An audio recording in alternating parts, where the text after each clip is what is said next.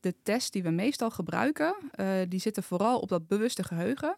En dan vooral op het episodische geheugen. Dus onder dat bewuste geheugen heb je episodische kennis en semantische kennis. Mhm. Uh, semantische kennis is die feitenkennis van school. Episodische kennis is meer ehm, kennis uit de context. ehm, eh, met een tijd en een plaats. Ehm, en eigenlijk alle geheugentesten bijna die we hebben, meet dat episodische geheugen. Hmm, dus als we ook vaststellen, hè, iemand doet het niet goed op die testen, dan zeggen we vaak, oh, er is een stoornis in het geheugen. Maar het is eigenlijk veel te breed om dat zo te zeggen. Welkom bij de Pearson Podcast. In deze podcast nemen we je mee in de wereld van diagnostiek en behandeling binnen de geestelijke gezondheidszorg. Ik ben Meerte Wildenbeest, psycholoog en productadviseur bij Pearson en ik interview professionals uit het werkveld om antwoord te geven op vele brandende vragen.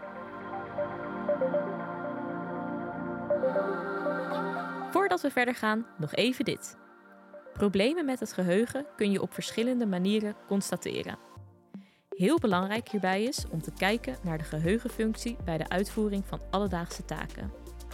Met de nieuwe RBMT3 meet je bij cliënten met cognitieve problemen, vanaf 16 jaar, hoeveel moeite zij hebben met alledaagse geheugentaken en kun je een goede inschatting maken van het zelfstandig functioneren. Kijk voor meer informatie op www.pearsonclinical.nl/podcast.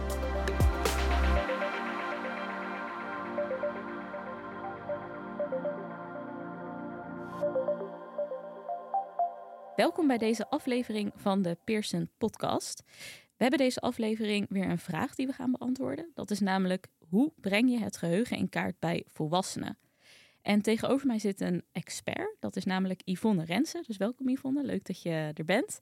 En uh, ja, misschien kan je jezelf even kort voorstellen. Ja, dankjewel dat ik hier mag zijn. Ja, nou fijn dat je uh, er bent nogmaals. Ja, dank je. ik ben Yvonne Rensen, ik ben uh, senior onderzoeker en uh, gezondheidszorgpsycholoog in opleiding tot klinisch neuropsycholoog bij het Vincent van Gogh in Venray. Oké, okay, en uh, Vincent van Gogh, wat is dat voor instelling?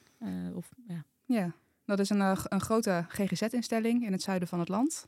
En specifiek zit ik nu ben ik verbonden aan het topklinisch centrum voor Korsakoff en alcoholgerelateerde cognitieve stoornissen. Okay. Mensen die door alcoholgebruik hersenschade hebben opgelopen. Oké, okay. nou Fijn dat je er bent. Hey, en we gaan het dus vandaag hebben over het geheugen in kaart brengen bij volwassenen. En ik dacht misschien is het goed om heel even terug te pakken, om heel kort, ik weet niet of je het kort kan beschrijven, um, ja, om even de definitie van het geheugen na te lopen. Dus ja, wat is het geheugen nou eigenlijk? Ja, dat is meteen een hele goede vraag om mee te beginnen. Um, want als je het zo hebt over het geheugen, dan lijkt het alsof het geheugen één ding is. Mm -hmm. um, uh, maar dat is het eigenlijk niet. Uh, het geheugen bestaat uit heel veel verschillende onderdelen. Uh, dus als je het hebt over hoe breng je het geheugen in kaart, is het eerst belangrijk om te weten wat is dat geheugen nou precies. Um, nou ja, om, uh, zal ik daar wat meer uitleg over ja, geven? Tuurlijk, ja, graag. Ja, ja, ja, zeker. Ja, um, nou, waar we veel aan denken is um, het verschil tussen lange termijn geheugen en korte termijn geheugen. En um, uh, daar bestaan ook al veel misvattingen over. Als mensen het hebben over korte termijn geheugen, dan denken ze vaak aan oh, wat ik gisteren heb gedaan of zo. Mm -hmm. Maar dat is eigenlijk al ons lange termijn geheugen. Het, uh, het korte termijn geheugen is echt het geheugen van een paar, uh, van 30 seconden tot een minuut. Zo kort zelfs. Ja. Ah, oké. Okay. Ja. ja, dus korte termijn geheugen is echt wat je op dit moment, de informatie die je op dit moment moet verwerken.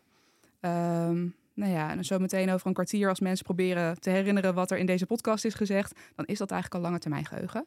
Mm -hmm. um, en als we dan kijken naar dat lange termijn geheugen, ook daar heb je weer verschillende onderdelen in. Ja. Dus je hebt meer het, uh, het uh, bewuste geheugen, het declaratieve geheugen, zoals we dat noemen.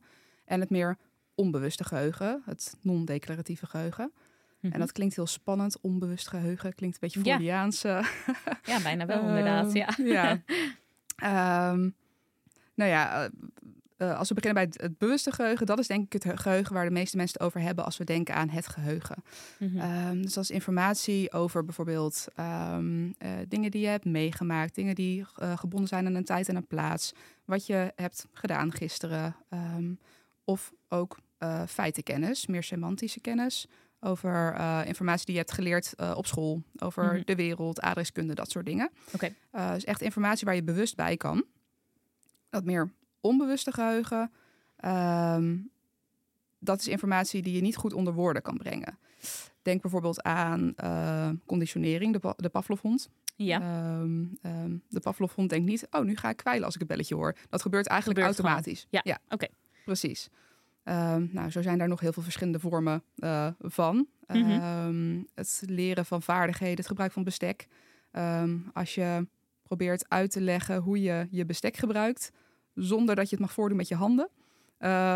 probeer dat maar eens onder woorden te brengen. Nou, dan Ja. pak je het vast met je Met je hand of zo. En dan, ja, probeer je een zagende beweging te maken. Ja, zoiets. Ja, en dan hoe vouw zeggen, je je maar- vingers dan? Ja, precies. Ja, Eh, ja. ja, het is dat best- is lastig. Ja. Precies. Terwijl als je met zijn vorkje voor ons hebt liggen, ja, dan pakken we het op en dan ge- gebruiken we het. Dus echt die Mhm. ehm, vaardigheden waar je ehm, ehm, bewust niet zo goed bij kan, maar wat eigenlijk automatisch gebeurt. Mhm. Dus die twee, dat onderscheid is belangrijk tussen bewust en onbewust eh, geheugen. En, en eh, hoe, wat is zeg maar de rol van bijvoorbeeld werkgeheugen er dan nog bij? Ik weet niet of je daar iets over weet hoor, maar Mhm. ja, hoe moet je dat Ehm, dan weer zien? Ja, dat is een hele goede vraag. Eh, het werkgeheugen is eigenlijk een beetje hetzelfde als het korte termijn geheugen. Ehm, dus dat gaat eigenlijk vooraf aan het lange termijn geheugen. Dingen moeten eerst in je werkgeheugen zitten of in je korte termijn eh, geheugen zitten, willen daarna Mhm. verplaatsen naar je lange termijn geheugen. Ehm, ja, het, korte, het, het werkgeheugen, eh, nou ja, het verschil tussen korte termijn geheugen en werkgeheugen. Korte termijn geheugen is een beetje passief. Mhm. Van eh, je houdt informatie, je houdt informatie even in je, in je buffer, om maar even zo te zeggen, die je hoort. Ehm, maar soms moet je de informatie ook manipuleren. Dus ehm, net tijdens het autorijden bijvoorbeeld, dan zie ik dat er opeens een auto invoegt. Dan moet ik daar even alert op zijn en dan moet ik bedenken, oh, wat ga ik daarmee doen? Eh, Mhm. Is de auto alweer weg? Oké, dan ga ik weer verder mee. Dus dan ben je er wat actiever mee Ook echt bezig. actief mee bezig. Ja, Ja, En ja. dat is eigenlijk het kleine onderscheid tussen werkgeheugen en korte termijn geheugen. Oké, Ja. ja. ja. dat is goed om te weten. Ik vind dat soms wel eens lastig inderdaad om dat onderscheid eh, dan onder woorden te brengen. Maar het is fijn dat jij dat, eh, dat, jij dat eh, goed weet. Ehm, nou, en je zegt dus hè, van je hebt dus verschillende onderdelen eigenlijk van het geheugen. Ehm, ja, gebruik je dan die kennis ook om het geheugen in kaart te brengen? Want ik neem aan dat je dan misschien ook verschillende tests gebruikt voor verschillende onderdelen. Moet ik dat zo zien? Of Ja, goede vraag. En daar stip je meteen een, belangrijk punt aan. Ehm, want eigenlijk de, de test die we meestal gebruiken, eh, die zitten vooral op dat bewuste geheugen. En dan vooral op het episodische geheugen. Dus onder dat bewuste geheugen heb je episodische kennis en semantische kennis. Mhm. Eh, semantische kennis is die feitenkennis van school. Episodische kennis is meer ehm, kennis uit de context. ehm, eh, met een tijd en een plaats. Ehm, en eigenlijk alle geheugentesten bijna die we hebben, meet dat episodische geheugen. Hmm, dus als we ook vaststellen, hè, iemand doet het niet goed op die testen, dan zeggen we vaak, oh, er is een stoornis in het geheugen. Maar is eigenlijk veel te breed om dat zo te zeggen. Ja, omdat er veel verschillende onderdelen zijn. Dus je kan dan niet op basis daarvan zeggen dat er iets mis is met het gehele geheugen. Precies. Toch? Ja. precies. Want dan zou je, Ja. ja, misschien is het, eh, eh, het eh, onbewuste geheugen niet aangedaan. Maar dan, dan pak je als geheugen als een te breed begrip. Dus je Ja. kan eigenlijk veel beter zeggen, er is sprake in een stoornis van het episodische geheugen. Als je bijvoorbeeld Hm. een 15 woorden taak of een location learning taak bijvoorbeeld doet. Ja.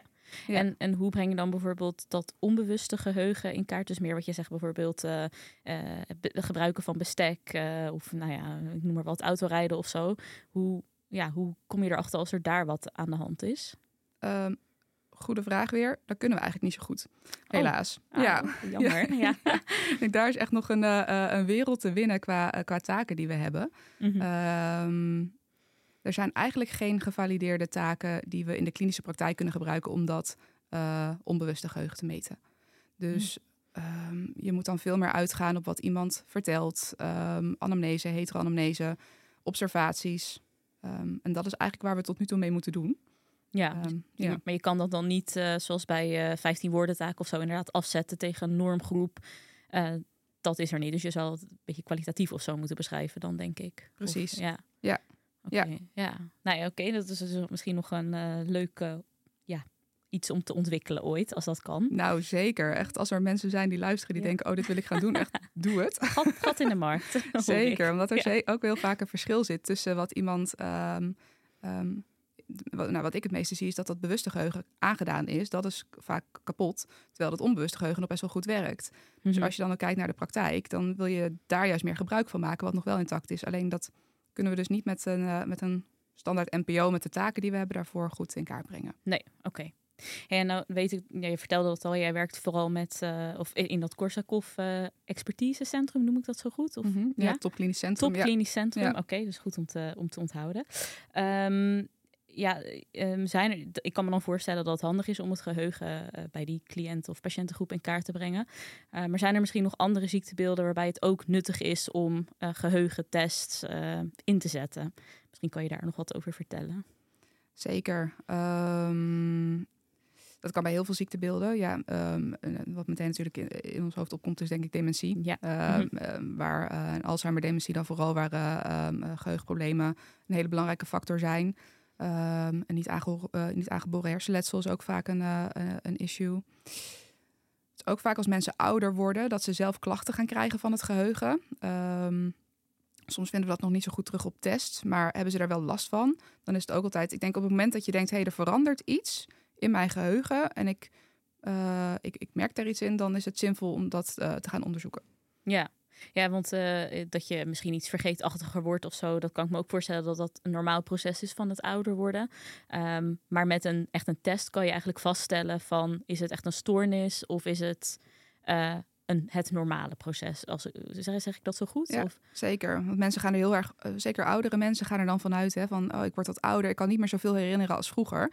Uh, ja. Oh jee, gaat er misschien iets mis met mijn geheugen? Ik krijg ja, nou logische gedachte dat mensen dat, dat hebben. Ja. Zeker, zeker. Um, terwijl het ook wel, um, je moet jezelf niet gaan vergelijken met uh, je geheugen dat je had toen je uh, studeerde of toen je veel jonger was. Uh, um, dus het is heel goed om juist inderdaad te objectiveren, taken af te nemen en te kijken, hey, hoe doen andere mensen met jouw opleidingsniveau, met jouw leeftijd het op zo'n geheugentaak? Mm -hmm ja, scoor je ja. dan nog afwijkend? Je moet jezelf niet gaan vergelijken met, uh, met uh, de jongeren. Nee, het is misschien niet helemaal, niet helemaal eerlijk, inderdaad. Zeker. Nee. Hey, en uh, welke tests gebruik jij nou het meest in de praktijk? Ja.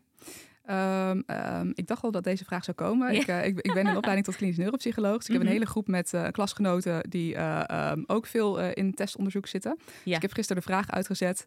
Wat is nou jullie lievelingsfavoriete Oh, nou, dat komt dan uh, mooi uit hiervoor. Ja. ja. uh, en eigenlijk is uh, unaniem de 15 woorden test echt de meest gebruikte test. Ja, de 15 woorden. Ah, ja. oké. Okay. Ja, ja. Ja, Met op nummer 2 de location learning test. Dat okay. zijn de twee meest gebruikte in, de, in de praktijk. Ja. En is dat ook jouw, zijn dat ook jouw favoriete tests? Of zou je daar nog wat aan toevoegen? Of? Favoriet? Niet per se. Uh, wel iets waar ik snel op teruggrijp, omdat het uh, mm. overzichtelijk is. Het is uh, kort en kernachtig. Ehm, maar ik merk ook, zeker de 15 woorden test, dat mensen dat niet altijd even leuk vinden om te ondergaan. Um, wat, wat vinden ze daar dan niet leuk aan? Ja, ja voor de mensen die de 15 woorden test niet, niet kennen, je leest letterlijk 15 woorden voor. Um, vraag daarna welke woorden weet je nog. En dat herhaal je vijf keer om te kijken, hey, komt er, uh, weet iemand steeds een beetje meer? En dan na een interval van uh, 15 tot 20 minuten vraag je het nog een keer. Um, mensen die uh, nou ja, wat moeite hebben met het geheugen of daar ja, wat last van hebben, vinden dit geen leuke taak. Want je wordt echt onder spot gezet. Uh, je moet uh, 15 woorden. Dat kan je werkgeheugen eigenlijk niet zo snel verwerken. Ja, lijkt me echt verschrikkelijk eigenlijk. Ja. Zeker. Dus na 5, 6, 7, 8 woorden zie je mensen een beetje overspoeld raken. Die denken, oh, moet ik nu nog meer onthouden? Dat weet ik helemaal niet. Mm. Um, dus dan zijn ze al blij als ze er een paar kunnen noemen. En dan vervolgens zeg je, we gaan het nog een keertje doen. Ja. dus, uh, maar dat zeg je niet van tevoren. We gaan het uh, vijf keer herhalen. Ja, jawel, jawel. Oké, oké, okay, dus ze weten het wel van tevoren. Ja, maar ja. dan denk ik, moet ik het nog een keer doen? Oh, moet ik ja. het nog een keer doen? Dus dan, ja. Uh, um, ja. Ja, hm. het is nuttig. Het, het is uh, een goede test, maar het is wel uh, een, uh, nou ja, voor mensen die wat moeite hebben met geheugen niet fijn om te ondergaan. Nee. Lijkt me inderdaad best wel confronterend. omdat ik kan me voorstellen dat je misschien in het dagelijks leven het nog wel een beetje kan verbloemen. Misschien door, ja, ik weet niet precies waar ik aan moet denken, maar dat je bepaalde ja, geheugensteuntjes of zo hebt. Terwijl met zo'n 15 woorden taak, ja, dat is jij en je geheugen, om het maar even zo ja, te zeggen. Met de billen bloot, ja. Ja, en ja. wat hoop je eigenlijk te zien op die 15 woorden taak als het uh, goed, goed gaat? Is dat een soort leercurve of zo? Of, um, ja. ja. je wil eigenlijk dat iemand steeds meer uh, informatie... Dus dat, dat, bij trial 5, dus de, de vijfde herhaling... Mm -hmm. dat mensen meer woorden weten dan op die eerste keer dat ze het hebben gehoord. Dat er steeds een beetje meer informatie bij komt. En uiteindelijk, als je ze dus na een interval vraagt... hey, wat weet je nog? Dat die informatie die ze hebben ingeprent, dat die ook beklijft. Ja, En als dat niet zo is, dus mensen onthouden ja, heel, een heel, bijvoorbeeld een heel grillig patroon of uh, onthouden de ene keer drie, de andere keer twee, nou ik noem maar wat. Mhm. Kan je dan stellen dat er iets mis is met het geheugen of moet je er dan nog weer vervolgonderzoek naar doen? Uh, goeie vraag.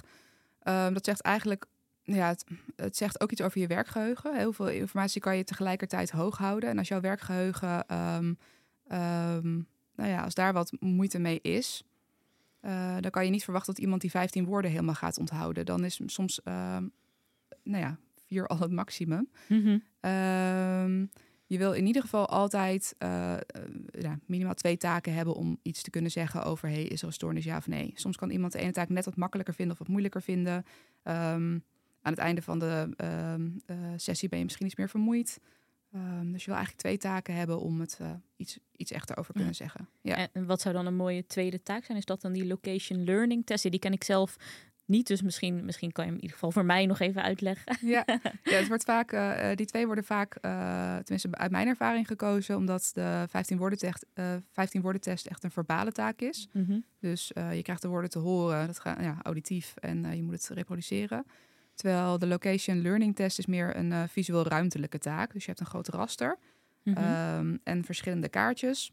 En de onderzoeker die legt dan de kaartjes op de juiste locatie. Van hey, um, um, ja, dat, dat, staat eigenlijk op het raster de plekken waar de verschillende kaartjes horen. Mm -hmm. Dan vervolgens uh, legt de onderzoeker een nou, raster over het raster heen, zodat je niet meer kan zien waar de plaatjes liggen. En dan krijgt de, uh, de deelnemer krijgt verschillende kaartjes en die moet ze op de plek in het raster leggen waar die ze net heeft gezien.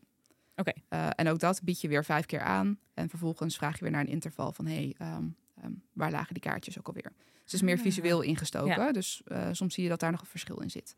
Ja. Dus uh, mensen het fijner vinden om iets visueel te zien... of juist meer auditief aangeboden te krijgen. Ja, oké. Okay, dus het is eigenlijk een beetje hetzelfde concept... maar dan betreft het net weer een ander onderdeel... van hoe je misschien informatie tot je neemt of zo. Ja, ja. ja. Oké. Ja.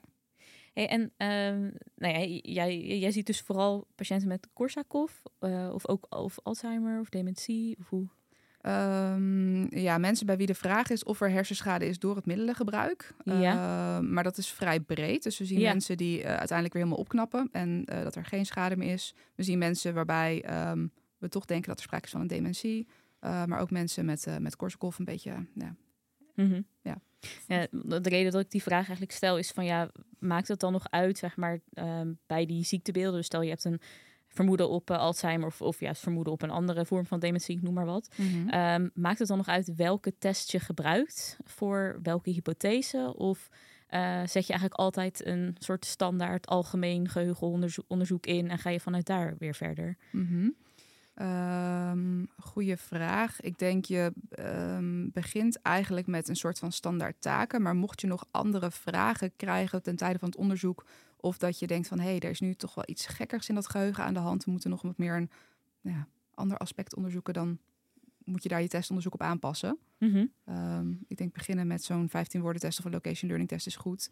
Ja als je ziet dat iemand helemaal overspoeld raakt bij zo'n 15 woorden test, wil je misschien ook wat lager inzetten door een 8 woorden test te kiezen bijvoorbeeld. Nou ja, goed. Zo kan je een beetje uh, ja, testen wat je wil weten. Je hypotheses zijn leidend. Ja, precies. Oké. En um, nou, ik had inderdaad nog een andere vraag van, daar ben ik altijd wel benieuwd naar van.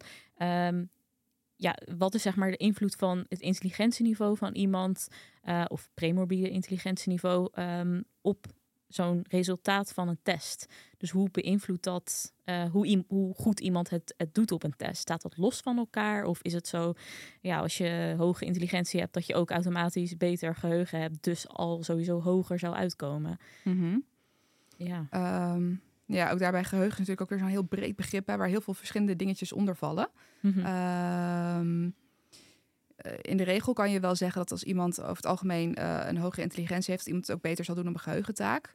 Um, je hoopt dat de normen daarvoor gecorrigeerd zijn. Dus dat, iemand, dat er um, verschil wordt gemaakt in opleidingsgroepen. Dus uh, mensen met een lager opleidingsniveau, mensen met een gemiddeld en mensen met een hoog opleidingsniveau. Um, dat je ook de score van iemand uh, die bijvoorbeeld, nou, iemand die ateneum heeft gedaan, uh, veel opleiding heeft gehad, die moet je niet gaan vergelijken met een groep mensen die veel minder opleiding heeft gehad. Dat zou mm -hmm. niet mhm. eerlijk zijn. Dus, dus je wil eigenlijk gewoon goede normgroepen hebben waarmee je mensen kan vergelijken met mensen van hun eigen opleidingsniveau en um, mm ja.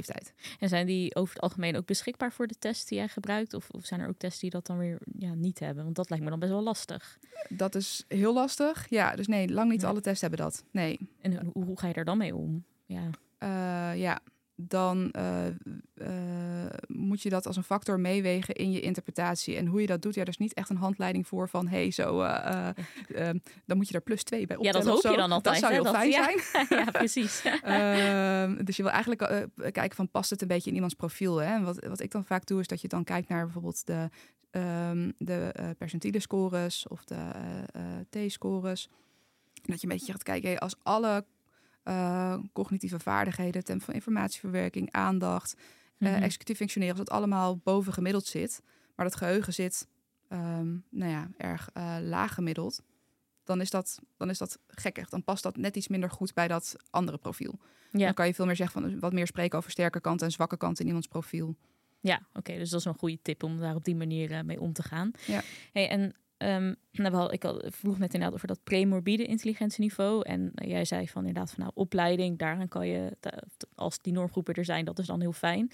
Um, maar stel nou, um, ja, ik kan me ook voorstellen dat misschien of misschien beledig ik mensen nu, maar hele oude mensen, dat die misschien een ander schoolsysteem vroeger hadden, waarbij het dan misschien niet, helemaal duidelijk is van ja, wat is iemands intelligentieniveau, want iedereen ging toch uh, als vrouw naar de huishoudschool, weet ik het. Ja, hoe, hoe, hoe, kom je er dan achter ja, wat het premorbide niveau was? Ja, dat, uh, dat, dat, uh, dat, is, dat is lastig. Ja, um, zeker uh, oudere mensen met minder opleiding daardoor genoten. Dat het gewoon zo was in de tijd. Ja. Um, uh, uh, vroeger, doe ik even tussen aanhalingstekens, hadden we de NLV. ja, die, ja maar dat mag niet meer.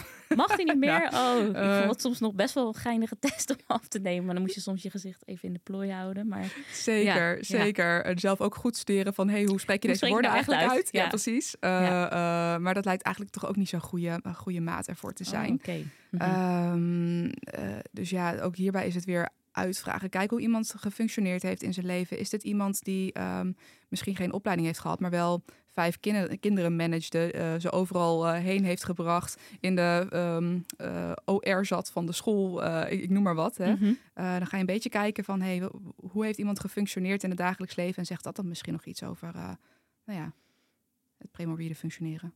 Ja, ja, dus dan kan je op die manier kan je dat dan nog een beetje inschatten. Ja, ja oké, nou ik wist helemaal niet dat hij niet meer, uh, niet meer mocht, maar dat is uh, goed om te weten. Ja, en volgens mij zit de tijd uh, er ook alweer op. Dus hartstikke bedankt voor al je informatie die je hebt gegeven. Ik heb in ieder geval heel veel geleerd, dus dank je wel. Ja, graag gedaan. Vond je dit een interessante podcast? Volg dan ons kanaal zodat je op de hoogte blijft van nieuwe afleveringen. En deel de podcast gerust met je collega's als je hem interessant vond. Wil je een vraag insturen of jouw feedback met ons delen? Dan kan dat via pearsonclinical.nl/slash podcast. Daarnaast hebben we ook een speciale actie voor onze podcastluisteraars. En deze is te vinden op dezelfde site, dus pearsonclinical.nl/slash podcast. Tot de volgende keer.